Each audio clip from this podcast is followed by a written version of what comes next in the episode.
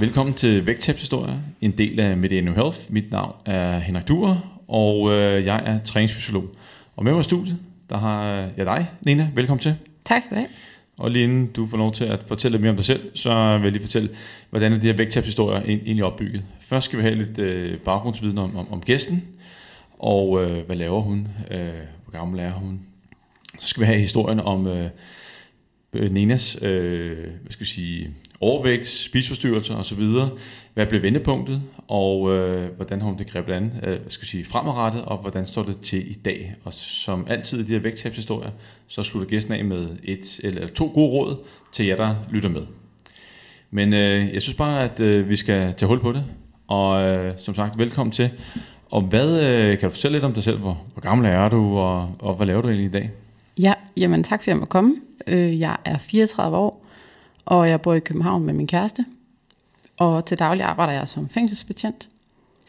Øh, jeg er også uddannet pædagog, og øh, så arbejder jeg frivillig hos LMS, hvor jeg holder foredrag. Og hvad er LMS til dem, der ikke kender det? Det er Landsforeningen mod spiseforstyrrelser og selvskade. Mm. Og lige, øh, lige, lige fængselsbetjent. Mm. Øh, nu er jeg ikke så meget i den branche, men er det ikke atypisk at, at være kvinde der, eller hvordan er det? Nej, vi er efterhånden rigtig mange øh, kvinder i det fag. Øhm, de sidste par år er der kommet mange kvinder. Spændende. Mm. Og du, du nævner lidt med, med foredrag hos LMS, øh, og det er selvfølgelig noget at gøre med, at du, du selv har haft øh, en spidsforstyrrelse, øh, eller to. Og, men hvad er egentlig årsagen til, at du, du vælger at øh, gå ud og, og holde foredrag om det? Mm, det er sådan en øh, selvhjælp, tror jeg, sådan en bearbejdelse.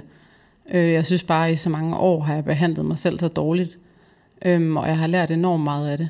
Og, og det vil jeg bare gerne give videre til folk, øh, og prøve at, at lære dem omkring det her med, hvordan man behandler sig selv ordentligt. Så når du er ude og holde foredrag, hvad, er det så øh, din egen historie, du fortæller, eller hvordan foregår det egentlig? Hvad, hvad, hvad er budskabet, når du er ude? Ja, så fortæller jeg min egen historie til pårørende og til ramte og til andre faggrupper. Og så er der mulighed for at, at øhm, stille spørgsmål bagefter. Så ja, det er sådan min opvækst og ja, mine 34 år. Yes. Mm. Og øh, hvis du starter sådan, tager hul på din, din historie, så, øh, så er du ikke fra, fra København af, kan folk høre. Nå, er det så tydeligt? Jeg kan godt høre, der er, der er en lille smule af ja. accent. Ja. Øh, men øh, hvor, hvor er du opvokset Jeg er vokset op i Vestjylland med mor og far og en storebror. Mm. Så en rigtig kernefamilie med masser af kærlighed og omsorg. Og øh, hvordan var øh, folkeskolen for dig? Havde du nogle øh, vægtudfordringer der på det tidspunkt? Mm, nej, altså jeg husker faktisk folkeskolen som rigtig god, men jeg har altid været enormt følsom som person. Og så tror jeg bare på et tidspunkt i folkeskolen, så begyndte de der små drillerier at komme. Og det kan lige så godt have været sådan af kærlig og drengene, der drillede lidt og sådan noget. Men jeg kan huske, at jeg tog det til mig, når de sagde tykke eller et eller andet, eller nappede mig i, i maven. Øh, og så begyndte jeg, ja, men så begyndte jeg bare at, at spekulere over det. Og så tror jeg, at jeg har taget det lidt dybere ind, end hvad godt var. Og øh, hvad var, øh, altså, hvor tyk var du egentlig dengang? Kan du huske det? Altså... Jeg har slet ikke været tyk. Altså det har været sådan noget valbefedt. Øhm, så, så øh, ja, det har jeg slet ikke, men jeg er åbenbart på et eller andet tidspunkt blevet bevidst om det. Øhm, og så i min opvækst har jeg sådan on and off hele tiden været på slankekur. Og min mor og far har, har hjulpet mig enormt meget, øh, når jeg har sagt, at jeg gerne vil tabe mig. Men jeg har aldrig været sådan overvægtig, overvægtig. Men øh, så skulle jeg prøve vægtkonsulenterne og vægtvogterne og sådan noget, og min mor lavede mad til mig, og ja, de prøvede virkelig at hjælpe mig, fordi jeg jo gerne ville tabe mig. Og øh, lykkedes det så altså, som barn øh, at tabe den gang i, i folkeskolen? Mm, nej, jeg har haft sådan en boomerangvægt hele tiden. Øhm, med et par kilo for meget, og tabt mig lidt og taget på, og tabt mig lidt og taget på. Og hvad med, nu er det nogle år tilbage, men hvad med skolesystemet, sundhedsplejersken? Var de inde og, øh, var der nogen, der kommenterede noget? Eller? Nej, slet ah. ikke. Slet ikke. Fordi altså, jeg har slet ikke været i den der øh, risikogruppe overhovedet. Det har rent og skær været inde i mit hoved, det er foregået. Og øh, så, hvad hedder det, så kommer vi lidt frem i, hvad skal vi sige, i folkeskolen, og øh, der begynder at opstå, hvad skal vi sige, øh, problemer. Er det, eller er det på efterskolen? Du, Ja, først det- på efterskolen. ja. Var, var du undervejs til folkeskolen sådan, altså hvordan tog du de der drillerier til dig? Hvordan, hvordan taklede du det dengang egentlig? Jamen, jeg husker bare øh, den der følsomhed, og jeg begyndte at spekulere over det. Og så kan jeg huske det der med, når jeg kom hjem fra skole, så, øhm, altså, set i bagspejlet, så trøstede jeg mig jo lidt i maden. Øh, når mine forældre ikke var hjemme, så kom jeg hjem, og så lavede jeg en masse mad, og gik ind og så fjernsyn. Så allerede i en tidlig alder, det startede det der med, at maden ligesom trøstede mig. Øhm, og jeg fandt enormt meget hygge og ro ved at sidde alene og, og spise en masse mad. Så du, du, øh, du trøster dig, og det var på grund af, af drillerierne, men hvad når du så dig selv i spejlet dengang? Talte du grimt til dig selv allerede på det tidspunkt, eller hvordan, hvordan var det? Nej, jeg husker ikke i folkeskolen, at jeg har talt grimt. Det var først, da jeg startede på efterskole, at, øh, at jeg begyndte at have det der enorme selvhad og, og blive bevidst om, at det jeg så, var jeg ikke glad for. Og e- e- efter skolen, der er du, øh, der er du 16 år. Ja, Er, er det der, det begynder at øh, tage, fart? ja det er det. Og hvad, hvad, hvad sker der øh, der på efterskolen? Og hvad, hvad mener du selv er årsagen til, at det begynder at tage fart her? Ja, altså jeg har jo tænkt rigtig meget over det. Jeg tror egentlig, at efterskolen, det var et meget anderledes miljø, end det jeg kom fra. Øhm, og jeg passede ikke helt ind, øhm, følte jeg ikke. Og, og jeg følte mig sådan lidt udenfor lige til at starte med. Og så var der sådan en periode på efterskolen, hvor jeg havde et eller andet almindelig sygdom. Og det resulterede i, at jeg tabte nogle kilo. Og så begyndte mine øh, efterskolevenner at, at sige, ej, du har tabt dig. Og så kunne jeg mærke, okay, I lægger mærke til mig, og og jeg fik opmærksomhed. Og det var jeg enormt glad for, og så følte jeg mig sådan en del af flokken, tror jeg. Og så tænkte jeg, okay, hvis jeg bare bliver ved med at tabe mig, så får jeg mere opmærksomhed og, og kan bedre komme ind i gruppen. Øhm, og så tror jeg, jeg har haft den der, at negativ opmærksomhed øh, er bedre end ingen opmærksomhed.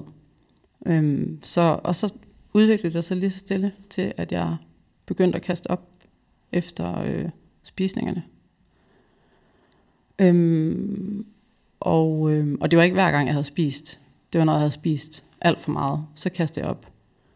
Og det blev så opdaget af nogle elever, som tager fat i en, øh, en, Hvordan, en hvordan lærer. blev det oplevet? Øh, Altså, hvordan, hvordan foregik det? Var det sådan, fordi på, på sådan en, øh, en skole, er det, er, så der er jo fælles spisning, Mm. og hvad, Så når man var færdig med at spise den der kæmpe buffet, så gik jeg op på badeværelset. Og så er der så nogen, der har hørt mig. Og så er de så taget fat i en lærer. Og så den her lærer her, hun kontakter sig med mine forældre. Og så bliver jeg hentet hjem fra efterskolen øh, og kommer til lægen. Og lægen giver mig lykkepiller. og hvor gammel er du der? Øh, 16 år. Okay. Øhm, og så øh, kom jeg tilbage til efterskolen og sagde til mine forældre, at jeg ikke ville tage de der lykkepiller. Øh, så jeg har nok været bevidst om, at det har ikke været problemet, for jeg var enormt glad. Altså jeg har altid været meget glad, smilende, udadvendt.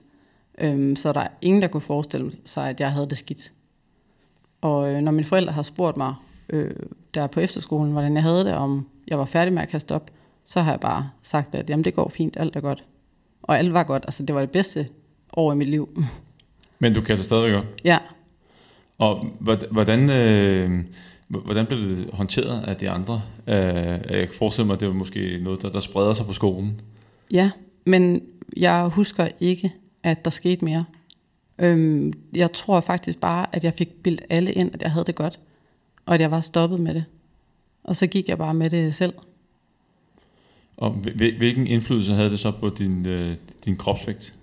Jamen egentlig ikke øh, særlig meget. Det var stadigvæk bare sådan en, øh, en, en op- og nedvægt, jeg havde. Øh, der var jo enormt meget mad på efterskolen og buffet, og jeg har altid været glad for mad. Så øh, jeg tror, at øh, altså det har ikke påvirket mere end nogle kilo frem og tilbage. Men øh, kan du huske, hvad, hvad, hvad du selv tænkte? Altså, fordi det, det er jo sådan en relativt ekstrem ting, øh, og jo ikke meningen, at man skal kaste op, øh, efter man, man har spist. Hvad, hvad, hvad tænkte du selv dengang, hvis du kan huske det? Mm, jamen, ret hurtigt, så blev det sådan en vane for mig. Altså fordi, at når jeg spiste så meget, som jeg gjorde, så var det enormt ubehageligt for mig at føle mig så mæt. Men samtidig var jeg så madglad, at jeg kunne ikke lade være. Og så blev det lidt sådan en vane, at jeg skulle have det ud igen. Fordi så havde jeg en god følelse. Så jeg tror egentlig, på et tidspunkt blev det mere bare sådan en, en vane, øhm, for ikke at have den der oppustethed. Og det er så den, der har hængt ved i rigtig mange år. Mm. Og, og hvad, du, du får også en kæreste? Ja, på, på, på efterskolen, ja. Ja. Og, og så tror jeg egentlig også, at det hænger meget sammen med det der med at være bange for at miste. Altså jeg har hele mit liv været bange for at miste folk omkring mig, og folk jeg elsker og holder af. Og så tror jeg sådan, når jeg tænker tilbage, at det har handlet enormt meget om det her med, at jeg kan jo ikke kontrollere, hvilke mennesker der er i, liv, i mit liv. Jeg kan ikke kontrollere, hvem der går fra mig, eller hvem man mister. Men i maden, der følte jeg jo godt, at jeg kunne kontrollere det. Og om ikke andet, så følte jeg i hvert fald, at jeg blev trøstet af maden. Og, og, og hvis du ser tilbage øh, på den gang der, og hvis du som øh, voksen Nena skulle give dig selv råd dengang, øh, øh, vil du så være, ikke en ting, hvilket råd vil du måske give dig med, øh, selv, men, men tror du, du var modtagelig over for rådet? Fordi du, det, du siger jo selv, at du havde det godt. Mm. Nej, det tror jeg ikke, jeg ville have været. Fordi at, at som min mor også har sagt, så øh, spurgte de mig jo, hvordan jeg havde det, og de prøvede at holde øje med mig, og min mor hun siger, at jeg har aldrig øh, set dig kaste op, eller hørt dig kaste op, og så som jeg siger til hende, nej, altså, det vil du jo aldrig tillade. Men jeg har jo været verdensmester i at skjule, hvordan jeg kaster op, hvornår jeg kaster op, hvordan jeg havde det. Altså jeg har jo beskyttet mine forældre, øh, fordi øh, der er jo ikke nogen børn, der ønsker at se deres forældre kede af det. Absolut ikke. Og, og så, så hvordan foregik det? Du sagde, at der var ikke nogen, der opdagede det. Spil du så, jeg ved ikke, hvordan det fungerer. Øh, man skal jo være, altså hvis det skal være lige efter aftensmaden eller frokost, så skal du gå sådan nogenlunde stærkt, og hvis man ikke er alene hjemme, og hvad med, børster du så tænder, eller har du mindpastil, eller hvad- hvordan, øh, mm. hvordan kunne ingen opdage noget? Jamen, altså man kan godt lade, altså, lade maden være i maven i længere tid. Det behøver ikke at være lige efter, at jeg havde spist. Så nogle gange så gik der noget længere tid. Og så igen var det også meget styret af, hvad jeg spiste. Hvis jeg havde spist øh, sundt og ordentligt og et lille måltid, så var det okay, det blev i maven. Men havde jeg overspist, så skulle det ud. Og så øh, var det altid sådan noget med at tænde vandhanen og toiletpapir ned i, i toilettet. Og, ja. Så man lærer hele tiden teknikker for, hvordan man ikke skal larme. Okay, og hvor tit stod det på? Var det dagligt, eller var det en gang om ugen? Hvor, hvor, hvor tit cirka, som Jamen, du husker det? hele mit liv har det været on and off, og i nogle perioder har det været hver dag, flere gange om dagen. Øh, det har helt været afhængig af, øh, hvor meget mad jeg har spist. Øh, fordi jeg har også haft perioder, hvor jeg har været på kur, så jeg har også været på kur hele mit liv, har prøvet alle kurer. Så hvis jeg havde holdt kuren den dag, så har jeg ikke nødvendigvis kastet op. Men så måske dagen efter, fordi jeg har været i så lavt kalorieunderskud, så har jeg overspist helt vildt, og så har jeg kastet op. Så det afhang meget af, hvad jeg havde spist. Så når du siger on and off periode, var det så, øh, når du ikke var på slankekur, så kastede du op, og når du var på slankekur, så, eller hvordan var det, du siger? Ja. Hvad, var det, der styrede din on and off periode? Ja, det kan man godt sige. Øhm, ja, så hvis jeg var god til at holde kuren, altså problemet var, at jeg tit var på sådan nogle altså ekstrem kurer, altså øh, suppekurer, nubukurer, øh, øh, ikke noget fedt, ikke noget kulhydrat, altså alle kurer i hele verden øhm, har jeg prøvet. Så alt efter, hvor god jeg var til at holde dem, så behøvede jeg ikke at kaste op. Men hvis jeg brød kuren og fik den her overspisning, så skulle jeg kaste op. Så det var, det var reglen. Ja. Og hvad, hvad, hvad tænker du om sådan en slankekur i dag? Øh, jeg hader slankekur, og når folk siger til mig, at de er på kur, så kan jeg godt mærke, at jeg får sådan helt øh, ondt i maven, fordi jeg har bare lyst til at sige til alle folk, at I skal ikke være på kur. Det er ikke løsningen. Øhm, alt mad er tilladt, det er bare tilladt i de rigtige mængder. Så jeg bliver ked af det, når folk de, de siger, at de er på kur, og der er noget, de ikke må få, for jeg tror ikke, at det er løsningen. Og øh, så efter, øh, efter skolen, hvad, så, øh, så går årene, og det er on and off, øh, og så et, et par år senere, så, så er du på øh, HF, Mm. og øh, der fortsætter, hvad skal vi sige, lidt, lidt samme mønster. Ja, Og, men men hvad, hvad, hvad tænker du selv i, i, i den periode? Fordi at, øh, det, må, det må være... Øh, jeg tænker, at du er godt klar over, at der er et problem. Ja, og, og jeg kan huske, at især på HF, der blev jeg virkelig bevidst om mig selv, og jeg snakkede så grimt til mig selv. Jeg øh, gemte mig altid i store trøjer, og øh, jeg, jeg synes virkelig oprigtigt, at min krop den så forfærdelig ud. Øhm, på det tidspunkt kan jeg huske, at jeg var oppe at veje 79-80 kilo. Øhm, og så var HF jo fester og druk og, og junkfood i, i frikvartererne. Men jeg havde også altid min madpakke med. Altså jeg havde altid masser af gulerødder med, og ja, min mor hun stod og lavede madpakke til mig og sådan noget, så Men så tit blev den bare smidt ud, og så kørte jeg på McDonald's med de andre, og så ud og kaste op øh, på øh, skolens øh, toiletter.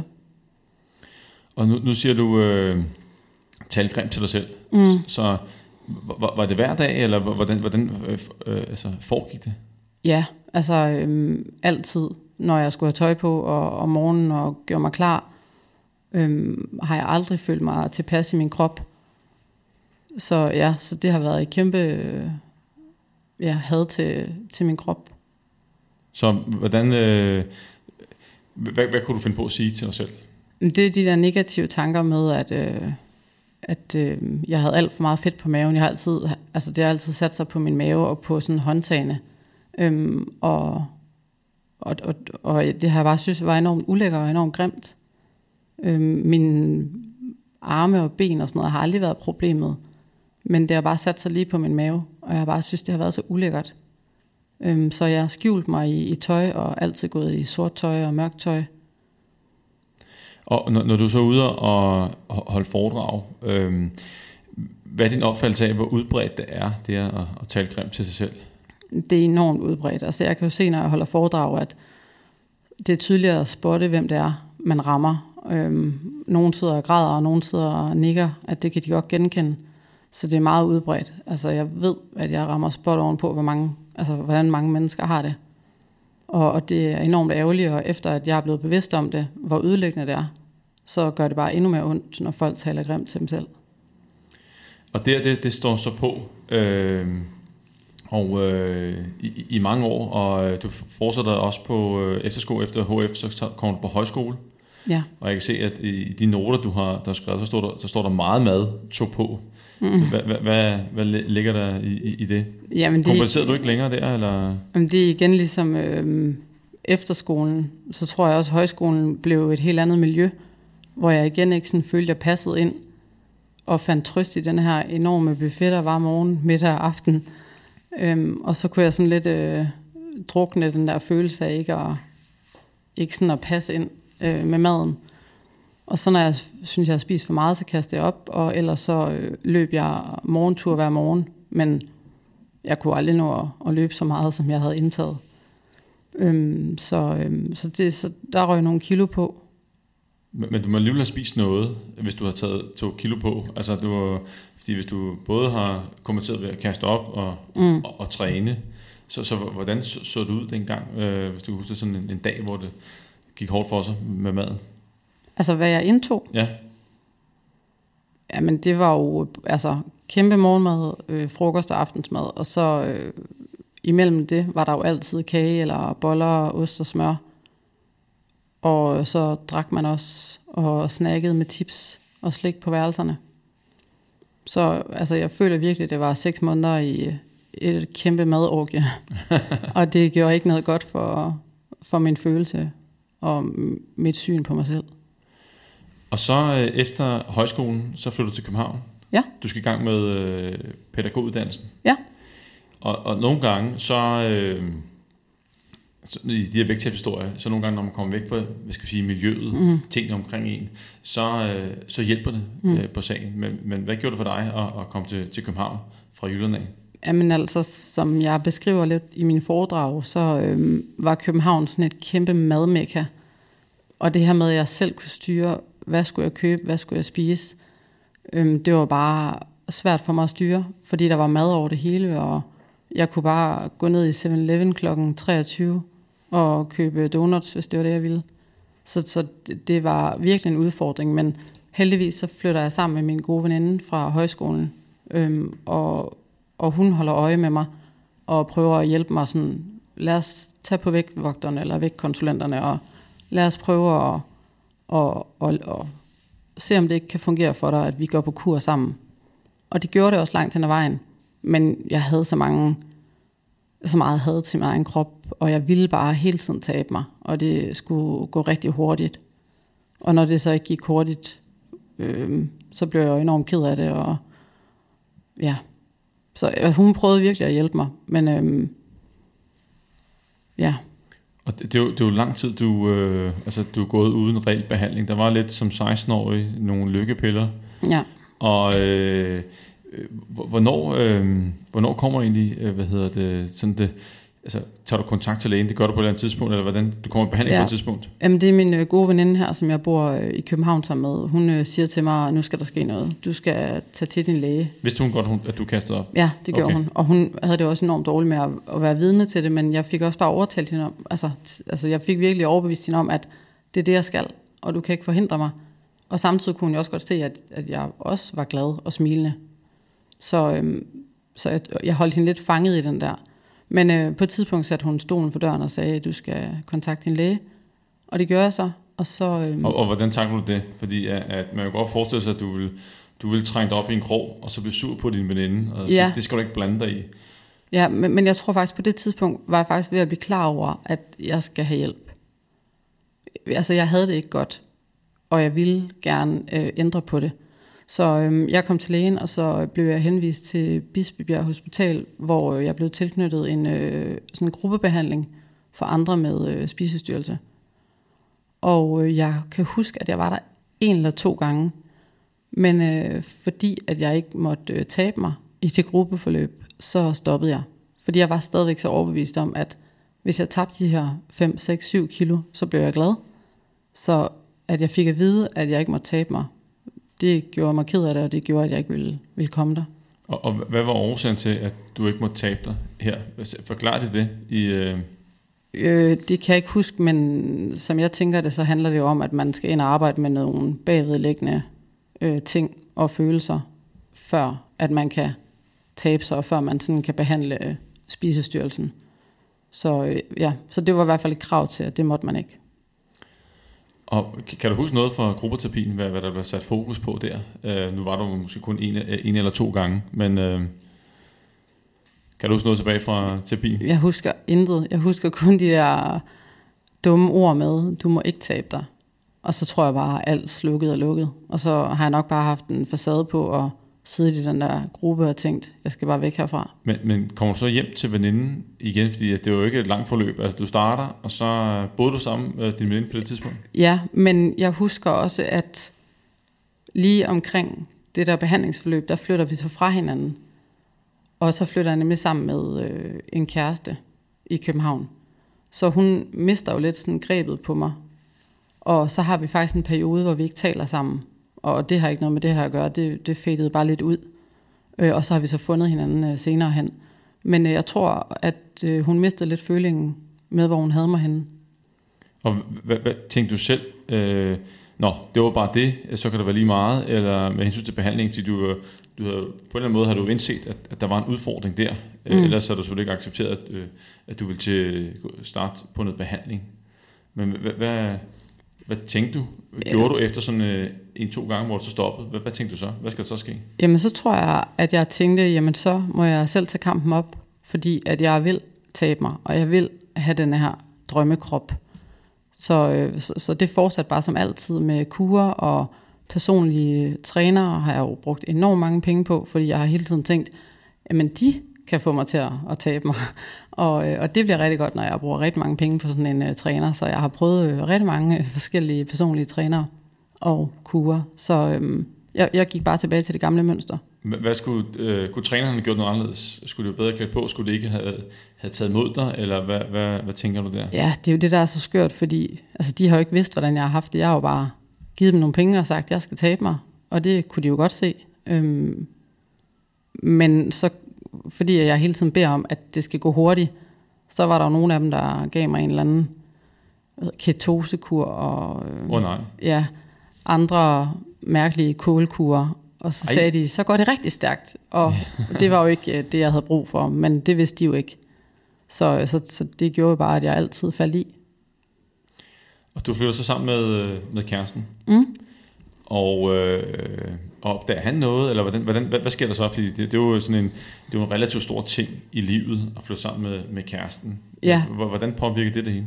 Jamen, jeg kan huske, at da jeg flyttede sammen med ham, øh, ja, det kan godt være, jeg har sagt det før, at der, der havde jeg det allerdårligst, øh, men det, det, det husker jeg bare, at jeg havde der, sådan kropsmæssigt, der havde jeg det rigtig, rigtig skidt.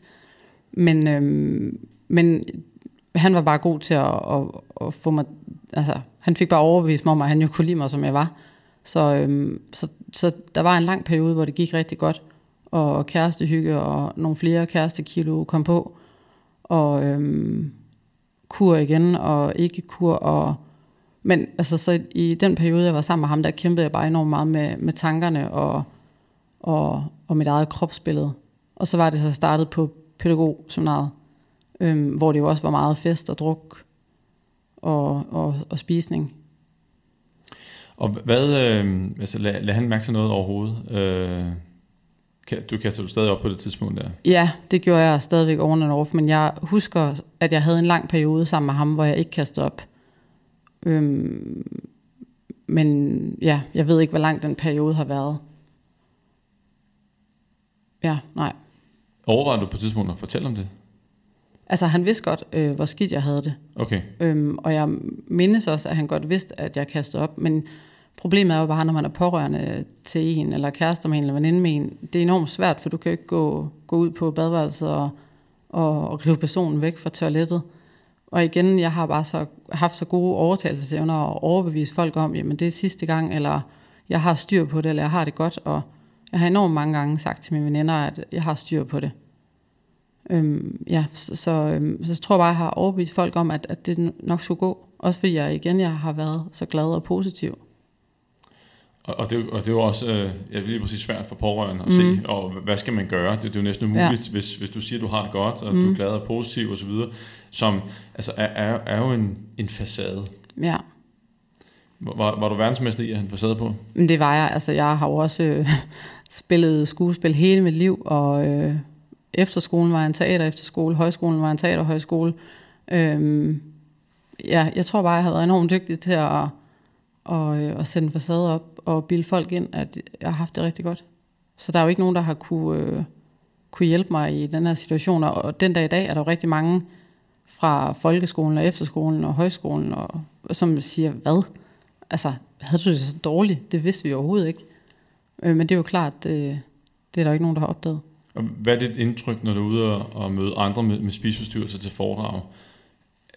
Har det på samme måde, sætter det også en facade op, øh, eller er der mange, der, der åbner omkring det? De sætter helt klart en facade op, og rigtig mange er lukket omkring det.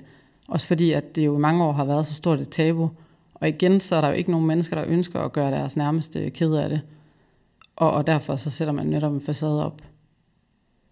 Og hvad, hvad sker der bare sådan en ren interesse? Jeg har det været sådan et, et foredrag. Øh, hvad, hvad, hvad sker der, hvis det med, med deltagerne efterfølgende?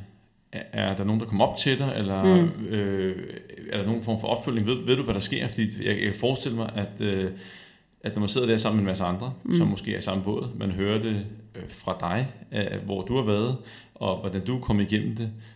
Hvad, hvad sker der så? Er der sådan optimisme? Tager folk action? Eller hvad, hvad, du sagde selv, at der var nogen, der græd undervejs. Og, ja. Men, men hvad, øh, hvad sker der typisk efter? Jamen, folk, altså, som har indset, accepteret, eller set, at man godt kan komme ud af det? Ja, så jeg ved desværre ikke, hvad der sker med folk efterfølgende, men der er rigtig mange, der kommer op og snakker med mig og gerne vil have gode råd. Og igen, det er jo individuelt. Jeg kan jo ikke sige til folk, du skal gøre sådan her, så kommer du ud af din spiseforstyrrelse. Men jeg kan jo fortælle dem, hvad der har hjulpet for mig. Men det er især de pårørende, der gerne vil have råd. Og, og der er det meget vigtigt for mig altid at sige til dem, at i gør det rigtige. I, I er til stede, og I er sammen med jeres børn. Øh, I skal være opmærksomme på dem, men I skal også bare vide, at de tager røven på jer. Øh, altså så det der med, at det er vigtigt for mig at sige til pårørende, at man skal ikke slå sig selv oven i hovedet, fordi man ikke har gjort det godt, eller fordi man ikke har været en god mor, eller far, eller veninde. Øh, det, det er simpelthen så synd. Ja, de, de, de kan vel heller ikke gøre noget, hvis øh, den, der har spiseforstyrrelsen, heller ikke er klar. Nej, lige præcis. Du skal jo selv være klar til at, at ville ud af det her. Og ligesom jeg kan forestille mig i andre sammenhænge, hvis det er, man, man presser på, øh, så maler man sig selv op i en krog, og så bliver det bare endnu sværere. Ja. Det der med, at hvis der opstår modstand i, i selve samtalen, selvom man, man har de bedste intentioner som, som pårørende, og ja. men så kører på. Ja, det kan, det kan, det kan jo give modsat øh, effekt, at, øh, at det bliver værre fra, for den spisestyrede, og også at den spisestyrede øh, trækker sig, og at tilliden sådan bliver brudt. Så man skal jo gøre det med enormt meget kærlighed og opmærksomhed, og bare fortælle den, den, den der har spisestyrelsen, at man er der, og at øh, den kan altid komme til en, når man er klar. Mm, ja. Yes. Og hvis vi lige springer tilbage i, i tiden, der var, øh, du tager på pædagoguddannelsen lige for at friske den op, Mm. og så øh, efter pædagoguddannelsen, der tager du, øh, der arbejder du, eller får job som, som fængselsbetjent. Øh, nej, så arbejder jeg lige et halvt år som øh, pædagog, og så finder jeg ud af, at jeg skal være fængselsbetjent. Yes. Og så tager jeg den uddannelse på tre år. Og, øh, og, og der har det en re- egentlig rigtig godt. Øh, og det hænger også sammen med, at, øh, det var en fed uddannelse, og, og jeg var enormt glad i det, jeg var i. Øhm, ja. Men selvfølgelig det samme mønster med hele tiden at være på kur, og hele tiden søge en ny personlig træner. Det, øh, det fortsat. Men din opkastning er stoppet. Det, Eller hvornår stopper det? Ja, det de- der, kommer, det, der kommer det øh, der skift fra, øh, som jeg har noteret mig øh, fra vores øh, samtaler, så må du lige rette mig. ja, Øh, opkastningen er stoppet, og så går du med over sådan, hvad skal vi sige, en overspisning, hvor der ikke bliver kompenseret Ja. ja. efterfølgende. Ja, jamen det er i øh, omkring jeg er 28 år. Det er så da jeg er færdig på uddannelsen som fængselsbetjent. Så øh, får jeg faktisk øh, lavet mine bryster, og på grund af den brystoperation, så kan jeg ikke kaste op. Og øh, inden det, Og, og, og nu, nu spørger, jeg- lige, mm. hvordan var det? Altså, ikke kunne kaste op? jamen øh, det var faktisk godt for mig, fordi jeg tænkte, altså øh, det skal lige siges, at jeg begyndte at få mange øh, brystsmerter og øh, smerter i halsen, inden den her brystoperation, fordi jeg har kastet så meget op. Så jeg tænkte, at der skal ske noget. Og så får jeg den her øh, brystoperation, og kan så ikke kaste op. Og så tænker jeg nemlig positivt. Jeg tænker, det er min vej ud af, af spisestyrelsen. Øhm, men problemet er bare, at fordi jeg ikke kan kaste op, så går jeg på endnu mere strikse kurer. Og når jeg ikke kan holde de her kurer, så ender det i en øh, overspisning. Og så er det, at, øh, ja, at det bare, øh, det er bare den ene overspisning efter den anden. Øh, sådan sidst på eftermiddagen og aftenen. Og så øh, inden jeg går i seng, så tog jeg afføringspiller. Og så besluttede jeg mig for, at når jeg vågnede næste dag, så øh, skulle jeg tage mig sammen og op på hesten og følge min, øh, min kostplan. Og sådan var det bare i en virkelig lang periode. Og hvad var øh, årsagen til, til overspisningerne? Altså, øh, var, var det stadig det samme? Var det stadig det der selvhed, du øh, mm. Så dig selv i spejlet? Fordi du, du, du ser jo selv, at øh, du har fået, altså, du er inde i en god periode med Ja. uddannelsen og jobbet og, mm. og, og, og de ting. Hvad, ja. Hvad er dit eget bud på, når du kigger tilbage?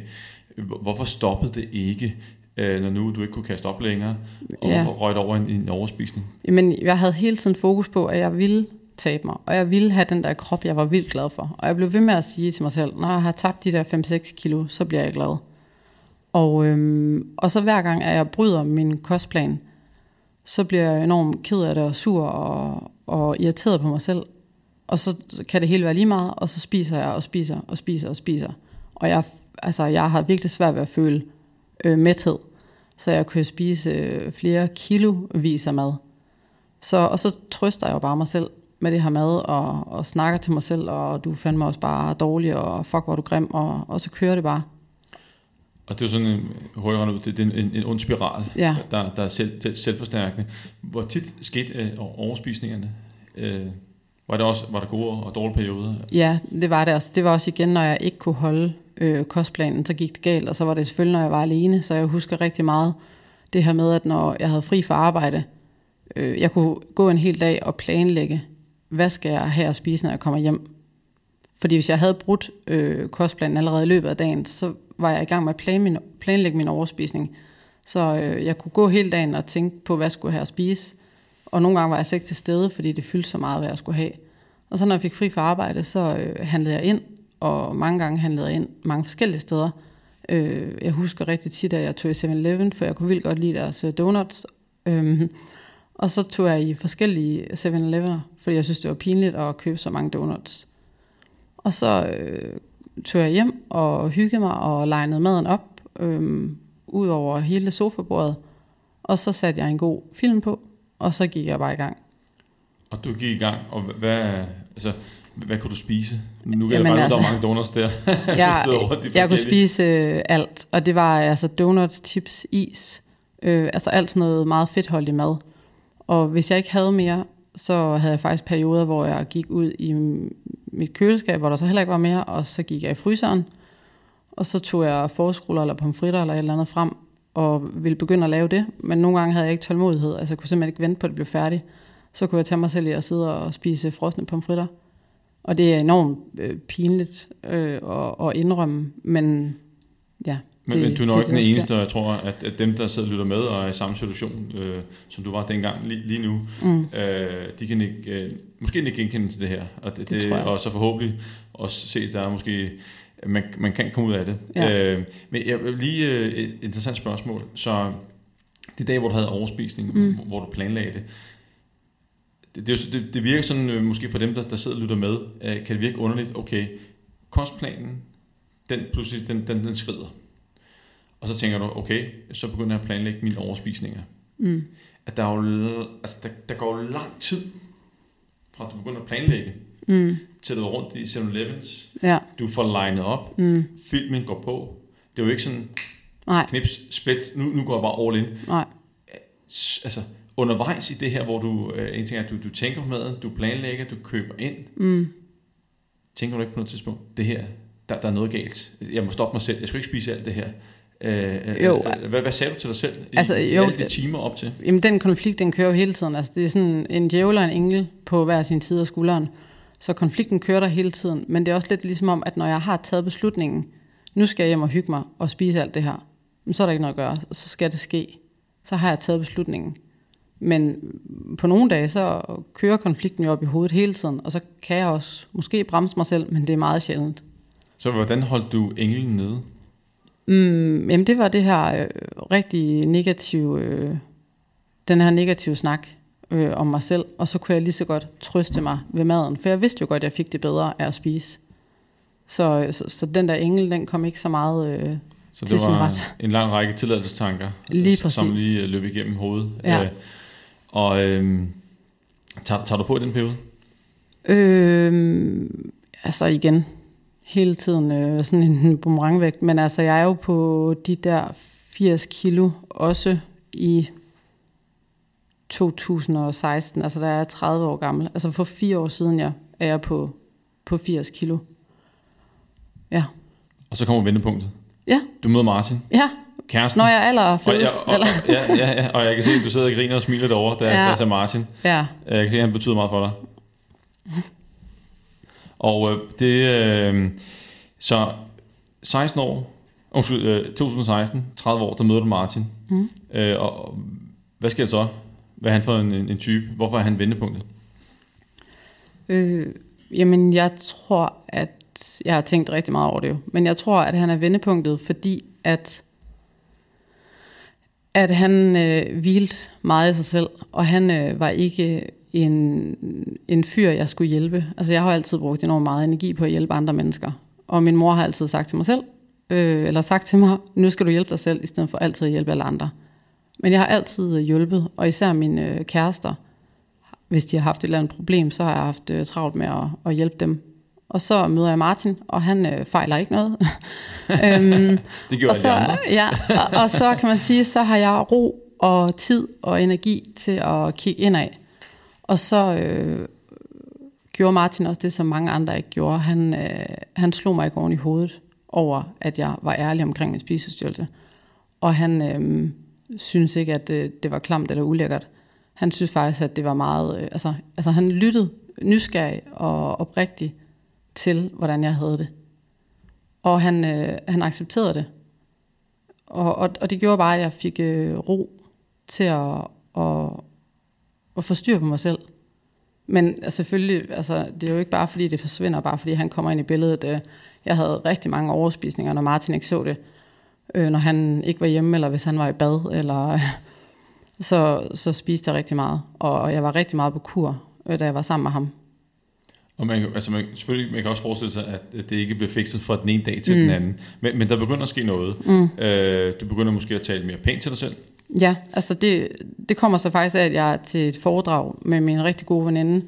Hun har inviteret mig til et foredrag om, ja, det hedder et eller andet slank øh, indenfra eller et eller andet. Og der fortæller hende her øh, foredragsholderen, at øh, det her med, at vi får overbevist os selv om, at vi er tykke og grimme. Og der går det op for mig, for mig at, at jeg hele mit liv har gået og talt grimt til mig selv, og dermed får overbevist mig selv om, at jeg er grim og jeg er tyk. Og jeg bruger det også meget den dag i dag, fordi jeg kan jo godt se det, at øh, jo mere negativt vi taler til os selv, øhm, jo dårligere humør bliver vi. Så vi er jo meget sådan, vi kan jo selv styre vores, øh, vores humør. Så jeg begyndte faktisk at tale øh, pænt til mig selv. Også fordi, at, at hun sagde, hende foredragsholderen, du vil jo heller ikke tale sådan her til dine veninder og til dine forældre. Øh, nej, selvfølgelig vil jeg ikke det. Men tænk, at jeg har tilladt mig selv at tale så grimt til mig selv. Det er jo det er bare så skræmmende. Men, men derfor tror jeg bare, at jeg har fået overbevist mig selv om, at jeg var grim og tyk, selvom jeg slet ikke var det. Så hvordan kommer øh, forandringsprocessen så? Er det fra en dag til en anden efter foredraget, og du begynder at tale pænt til, pænt til dig selv? Og hvad, hvad, hvad, hvad siger du så til dig selv i, i, i spejlet? Jamen, jeg øver mig i hvert fald først og fremmest, fordi det var enormt grænseoverskridende. Og jeg laver meget sådan en skriveterapi, altså skrive ned, øh, hvilke tanker jeg har om mig selv. Og, og så prøver jeg også det her med at stå foran spejlet og, og sige, øh, fremhæve de flotte ting øh, på min krop. Og, og, og det har hjulpet stille og roligt. Men især det her med at sige øh, til mig selv, at jeg er i hvert fald ikke tyk, og jeg er i hvert fald heller ikke grim.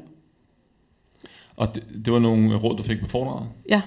Og, og hvad, øh, bare skriveterapi, hvis nu sidder derude, så, mm. øh, så er helt sikkert et, et af budskaberne her, det er jo, at, at øh, man stopper med at tale grimt til sig selv. Ja.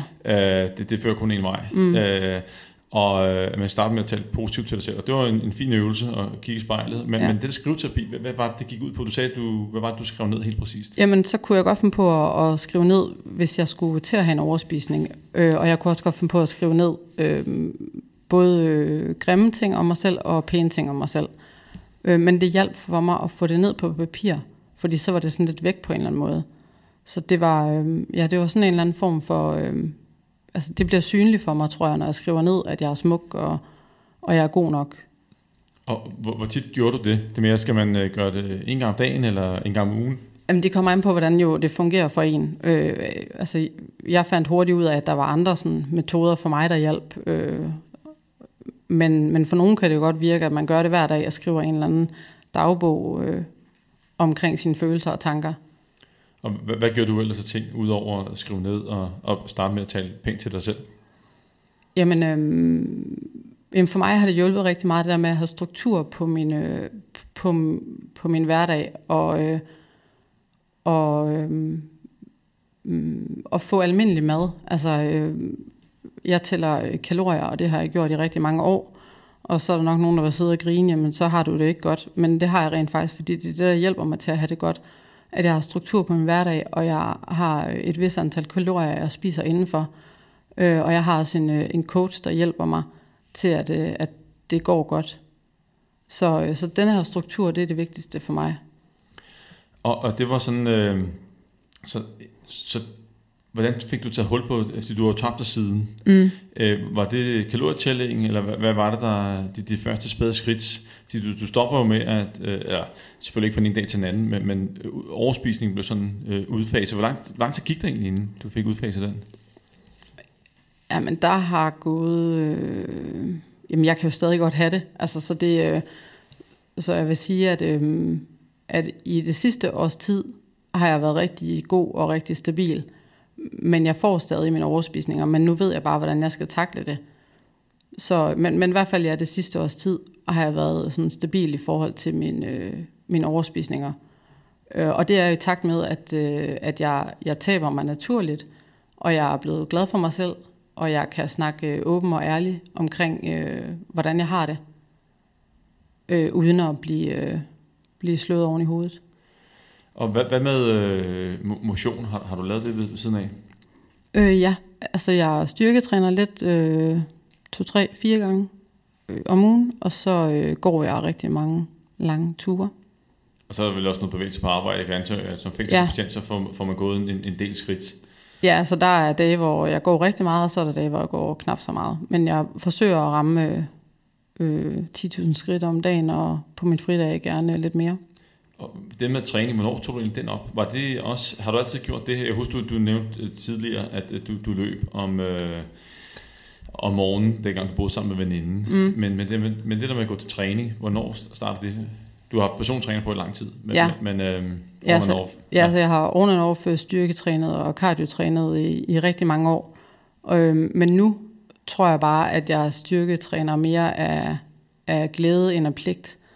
Og også fordi jeg kan se, hvor godt det er for min krop, og hvordan det former min krop. Så, så, så nu synes jeg sådan, at det, altså, det, det er lyst, jeg gør det. Og det er også man kan sige, et, et super vigtigt budskab, også hvis det skal være langtidsholdbart. Ja, ja. Øh, hvis det er, at det ikke er lyst, mm. så ved vi, at så, så, hvad hedder det, så stopper man på et eller andet tidspunkt. Ja. Vi, vi taler jo resten af livet, man kan jo ikke gøre noget øh, hvad skal vi sige, ved hjælp af viljens kraft resten af livet. Og det er måske også et vigtigt budskab, altså den bedste motion, det er den, der bliver gjort, og så må man finde ud af, hvad, hvad får jeg gjort, øh, og, man, ja. og man skal have lysten til, til at gøre det. Ja, og lige præcis det der, øh, du siger, som jeg har fået fra din øh, Facebook-side, øh, at den bedste motion, det er den, der bliver gjort, den har jeg altid i hovedet på de dage, hvor jeg ikke gider. Og så hvis jeg ikke gider styrketræne, så, så gør jeg det ikke, men så går jeg måske 10 kilometer. Så, så det er ikke, øh, altså jeg straffer ikke mig selv, eller eller øh, tvinger mig selv til at styrketræne, hvis jeg ikke gider. Men min gåtur, dem finder jeg enormt meget øh, glæde i, og det er jo også en form for, for terapi for mig. Og øh, nu, nu, er du, øh, nu er der gået et, et, et øh, fire år, siden du, du mødte øh, Martin. Og hvor langt er du egentlig, hvis du selv skulle vurdere det fra at være øh, 100%, hvad skal vi, hvad skal bare kalde det rask? Mm. Altså, jeg er jo bange for, at jeg aldrig bliver øh, rask, fordi det har fyldt så meget af mit liv. Men, øh, men jeg er øh, meget, meget, meget tæt på at være, øh, være i mål og være øh, rigtig, rigtig glad og tilfreds med, hvor jeg er. Altså, jeg er enormt stolt over, hvor langt jeg er kommet. Men, men jeg tror, en spisestyrelse hænger ved i lang tid, fordi det har været så stor en del af mit liv. Ja, ja, du har jo gået utrolig mange år med det, ja. øh, ubehandlet. Ja. Og så, øh, det tror jeg også, at øh, når man sidder og lytter med, at det er jo ikke noget, der bliver over, at man overstår på en uge eller Nej. to. og det, det, det, det er vigtigt, og, altså at, at pårørende og andre med en spisestyrelse skal vide, at det forsvinder ikke bare. Øhm, jeg har enormt meget fokus på min krop og på, på maden, og, og jeg får stadig overspisninger, som sagt. Men jeg, jeg slår ikke mig selv oven i hovedet, når jeg får en overspisning og jeg kommer op på hesten igen øh, dagen efter. Så, øh, så på den måde øh, har jeg lært at, at takle mine overspisninger. Øhm, og, øh, og, ja, og så er Martin og min rigtig gode veninde øh, gode til at spørge ind til, hvordan jeg har det. Og det hjælper også altså at spørge ind til spiseforstyrrelsen. Og, og så kan jeg ikke øh, lyve. Altså, de, de, det ved jeg godt. Jeg kan ikke lyve over for dem. Så der er jeg 100% ærlig, øh, hvis de spørger mig, hvordan står det til med den. Du kan se på din, øh, dit notepapir her, 2020, jagten på en perfekte krop er ved at være slut. Ja. Hvad, hvad mener du med det? Jamen det var fordi, at øh, jeg lavede en artikel øh, til LMS en gang, og, og den hed Jagten på den perfekte krop. Og det er lidt det, jeg føler, at jeg har gået i så mange år og jagtet den perfekte krop. Og øh, nu når jeg kigger mig selv i spejlet, så øh, føler jeg virkelig, at jeg har den perfekte krop. Jeg er bare ked af, at øh, der skulle så meget til, øh, for at, at komme derhen, hvor jeg har det godt med mig selv. Og når du øh, kigger ud i fremtiden, mm. og ser, øh, hvad skal vi sige, øh, tre år frem, hvor tror du, du er henne om, øh, om tre år? Jamen så tror jeg helt sikkert, at jeg har rykket mig, øh, mig meget mere. Altså øh, målet er at slippe min kalorietælling. Fordi at det ved jeg godt, det skal jeg ikke resten af mit liv. Men, men lige nu fungerer det for mig at tælle kalorier. Og øh, det gør, at jeg ikke øh, får overspisninger øh, hver hver anden dag. Og øh, så, så, så øh, om tre år, så kunne jeg godt tænke mig at have lagt øh, kalorietællingen fra mig og have et sundt øh, forhold til mad. Yes. Og øh, den, den coach, du har, er det så, øh, hvis du har ved siden af nu, er det sådan på, på kostsiden og træningssiden, eller er der også på øh, det mere mentale, som måske kan hjælpe dig i, i den retning? Altså det er primært øh, øh, træningsprogrammer og, øh, og kost, hvis jeg har behov for det, men det har jeg jo selv styr på. Så det er sådan træningsprogrammer, og så er det også øh, ja, helt klart det mentale, altså hvor vi skriver sammen, og vi skriver om, hvordan jeg har det, og, og hvad er målet og så guider han mig hen mod målet, og, og jeg ved jo godt, hvad det er, jeg skal. Det er jo slet ikke det, men det er lige så meget det der med at have en og, og, og være ansvarlig overfor. Det er den persontræners øh, vigtigste våben, tror jeg. Ja. Det er, at, at øh, folk skal indrapportere eller dukke op til ens træning. Ja. Øh, øh, det er sådan en anden snak. Men, Ja. det, øh, man skal også tænke over, hvad sker der så, når du stopper med den personlige træner. Ja, og- det er jo nemlig det, som jeg har gjort øh, galt hele mit liv, hvor øh, jeg har stoppet, når jeg måske har tabt 4-5 kilo, og så har jeg sagt farvel og tak til den der øh, træner, og så har jeg taget det hele på igen.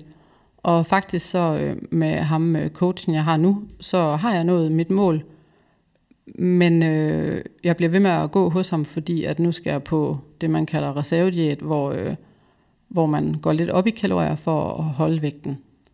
Så det hjælper han mig med, øh, fordi jeg har jo aldrig prøvet at komme i mål, og jeg har aldrig prøvet at skulle holde den vægt, jeg har. Mm. Så, så det er det, han hjælper mig med, og det er jeg meget bevidst om, at øh, det er en investering, og, øh, og det, det vil jeg gerne øh, gøre for mig selv. Så, Så, så du øh, på et tidspunkt du så tilbage igen med den der, øh, jeg tror det kaldes en reverse diet. Mm. Øh, hvad skal du så? Skal du så have en ny træner, eller hvad, hvad, hvad tænker du her Nej. så, så øh, det, ham her, han bliver, den, øh, han bliver den sidste, og øh, så skal jeg gerne på et eller andet tidspunkt stå på egne ben. Men hvor lang tid jeg skal have en coach, det har jeg ingen idé om. Det øh, bliver lige så lang tid, som jeg føler for det. Fordi jeg skal på ingen måde øh, falde tilbage i mit gamle mønster. Og øh, nu er vi som ved at være ved, ved vejs ende. Og øh, da vi talte sammen over telefon, inden vi skulle lave den podcast her, der, der bad jeg dig om, ligesom alle de andre kommer hen, om, om du har et godt råd. Et godt råd, eller to måske, til dem, der sidder og lytter med. Øh, det kan både være til, til pårørende, men Mm. det kan også godt være, være dem, som har den her øh, spiseforstyrrelse og har svært ved at komme ud af den, eller øh, går og gemmer på den og ikke taler med, med, med folk om det. Ja. Så øh, Jamen og du har altså- frit slag. Ja, altså jeg har jo vanvittigt mange gode råd, og jeg kunne skrive en hel bog om det, men øh, jeg Men det kan prøver være, at, gøre det. Ja, det kan være, øh, men øh, jeg prøver at, at gøre det kort. Øhm, et af mine første råd, det er helt klart det her med at finde årsagen. Altså der er altid en årsag til, at vi kommer ud i en spisestyrelse. Der er altid en årsag til en overspisning, eller bulimi, eller anoreksi. Så find ud af, hvad er det, der, der gør mig ked af det. Er det arbejdet, er det kæresten? Hvad er det, der går galt i mit liv, siden jeg har behov for at trøste mig selv, eller straffe mig selv? Så det er i hvert fald første, første skridt at, at finde ud af. Og, og, det, og det er en super vigtig pointe, og det er sådan, at man kan sige, en ting med, med spiseforstyrrelse, men, også med vægttab generelt. Man er nødt til at finde ud af Ja. ja. årsagen, og, Ja. ja. og være bevidst om den, og så forsøge at tage hånd om den, fordi hvad, hvad hjælper det at tabe sig, Ja, øh, hvis man ikke vil fjerne årsagen? det det. Så står man med øh, samme problem Ja. fremadrettet. Så, så øh, super vigtigt. Så helt sikkert det der, den bagvedliggende årsag til, øhm, hvorfor er det, at, at jeg har det dårligt. Ja, og det, det må... Jeg kan forestille mig, at det kan være en, øh, en, en, en, hvad skal vi sige, en hård omgang. Mm. Fordi at der må være noget, der stikker dybt siden, man, man, man, man gør sådan. Øh, er det en anbefaling, at man gør det alene, man sidder og, og prøver at skrive ned, eller skal man tage det sammen med en god veninde, en coach, et eller andet i den, i den proces? Ja, men det er jo, altså, det er jo igen øh, individuelt. Øh, jeg vil jo ønske, eller jeg vil jo gerne kunne sige til alle, at de skal være åbne og ærlige omkring deres følelser og tanker, og sige til folk, hvordan de har det, men jeg ved også godt, at det ikke er realistisk, fordi der er rigtig mange stadigvæk, der ser det som et tabu, og som har svært ved at snakke om, hvordan de har det. Så øhm, man kan starte med at skrive det ned, det man tænker er, er ens største problematik for at kunne komme i mål og ikke have en spiseforstyrrelse. Øhm, og ellers så kan man betro sig til, hvis man har en lærer eller en veninde eller en kæreste, som man stoler på. Det vigtige er jo bare, at øh, den man betror sig til, øh, ikke bryder tilliden eller ikke slår personen oven i hovedet. Fordi så, så bakker man jo bare ud. Så, så det er sådan, det, ja, det er enormt vigtigt, at man snakker med en, man stoler på. Yes, og så er det sidste råd, du kom op med. Jamen det er det her med at have struktur på hverdagen. Jeg, jeg synes, det er det aller, aller vigtigste, at øhm, for mit vedkommende i hvert fald, acceptere, når der kommer en overspisning, og så komme tilbage på sporet øh, dagen efter, eller, eller samme dag. Men øh, have struktur på, på hverdagen, det kan altså hjælpe til, at man ikke øh, falder i. Eller, Og når du siger øh, struktur på, på hverdagen, mm. er det øh, altså med øh, det, du tænker på kosten? Eller? Ja, det kan være det hele. Også det her med at ja, stå op og gøre de der ting, man skal. Altså rutiner og tage på arbejde og gå en tur, når du kommer hjem. Eller hvordan man nu strukturerer sit liv. Men øhm, prøv at holde sådan en god øh, rutine og struktur i sin hverdag. Øhm, ja. Det er vejen ud. Eller mm. kan være en, en, noget ja, vejen ud. Og så noget... samtidig have den her egenomsorg, den er enormt vigtig, at man sørger for at tale pænt til sig selv øh, undervejs. Ja, det synes jeg også er super, super vigtigt, og noget øh, han skal sige, blevet virkelig mærke i, i stedet for at man taler sig selv ned under gulvbrædderne, mm. øh, så hellere tale sig selv op, fordi at det andet, det kan jo ende i straffunktioner, hvad det vil sige, ja. øh, mod sig selv. Ja. Øh, og, og så det, det, det, bare, det må være en negativ spiral, ja. som kan være rigtig svært at bryde. Så, så det, det må også være en, en længere proces at øve sig i at, at tale pænt til sig selv. Jo, men samtidig er det jo så nemt, og det er så lille en ting. Men jeg ved godt, at det er svært, men når man har øvet sig i det og prøvet på det, så tænker man sådan lidt, gud, var det i god så bare det? Ja, men man kan jo starte meget, meget småt, ja, og så præcis. bare fokusere på to ord, du skal sige til dig selv. Ja. Og så starter du der. Ja. Øh, det første, du gør om morgenen, eller inden du går i seng, mm. eller et eller andet, øh, hvornår man nu. Ja. Hver gang man ser et spejlbillede, mm. så bare sige to ord. Ja. Øh, og så kan man altid bygge videre derfra. Ja. Øh, sige, vanen skal jo startes, øh, mm. og så skal man sige, yes, jeg, jeg, gjorde det, jeg tager sgu pænt til mig selv, og så lige fejre, at man har gjort det. Ja. Øh, det plejer også at virke, hvad skal vi sige, selvforstærkende. Ja, helt enig. Men Nina, vi er som sagt ved, ved vejs ende, ja. og øh, jeg vil sige uh, tusind, tusind tak, fordi at uh, du gad og ville og ture dele din historie. Det er jeg sikker på, at uh, rigtig mange uh, sætter pris på. Ja, det håber jeg. Tak fordi jeg måtte komme. Anytime. Og uh, tusind tak til alle jer, der lyttede med. Vi høres ved.